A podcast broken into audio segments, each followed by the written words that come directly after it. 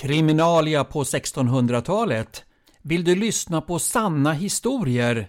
Olika rättsfall som handlar om mord, dråp och dödsdomar runt omkring på Falbygden. Jag misstänkte väl det och därför så kommer jag läsa upp åtskilliga sådana ärenden, både långa och korta och sådana som slutar med avrättning eller att de blev frikända. Sånt vet man aldrig i förväg.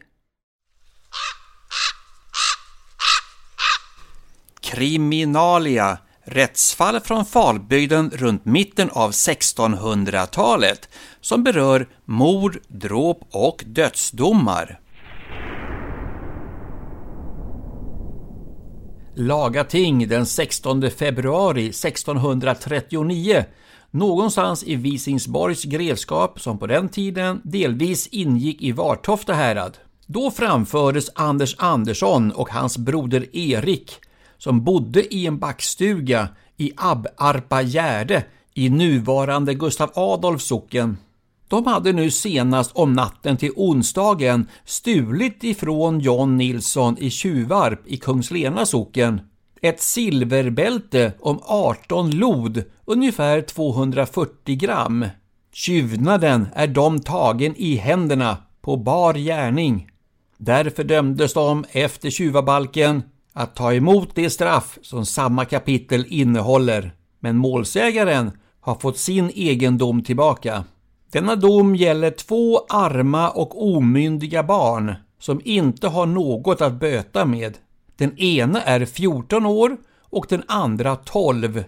Deras moder, Marit Andersdotter, är en inhyseskona i nämnda Abarpa Gärde och hon har drivit, lockat och övertalat dem att begå denna stöld, vilket hon inte kunde neka till. Hon lyckades också förmå sin yngre son Erik att stjäla en särk från Habo kyrka. Därför dömdes modern efter Edsöresbalken att bestraffas på samma sätt som om ifall hon själv hade gjort detta. Dock i all underdånighet hans grevlige nådigaste, min nådige herre, till underdånligt högt och nådigt beslut. Med andra ord, ärendet överlämnades till greven själv.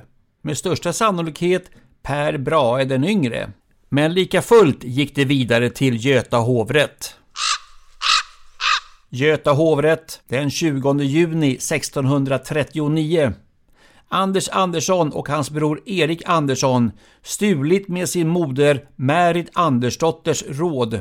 En dom från Visingsborgs grevskap över bröderna Anders och Erik. Unga pojkar vilka med sin moders råd och ingivelse stulit ifrån John Nilsson i Tjuvarp ett silverbälte om 18 lod. Detta bekände de alla tre.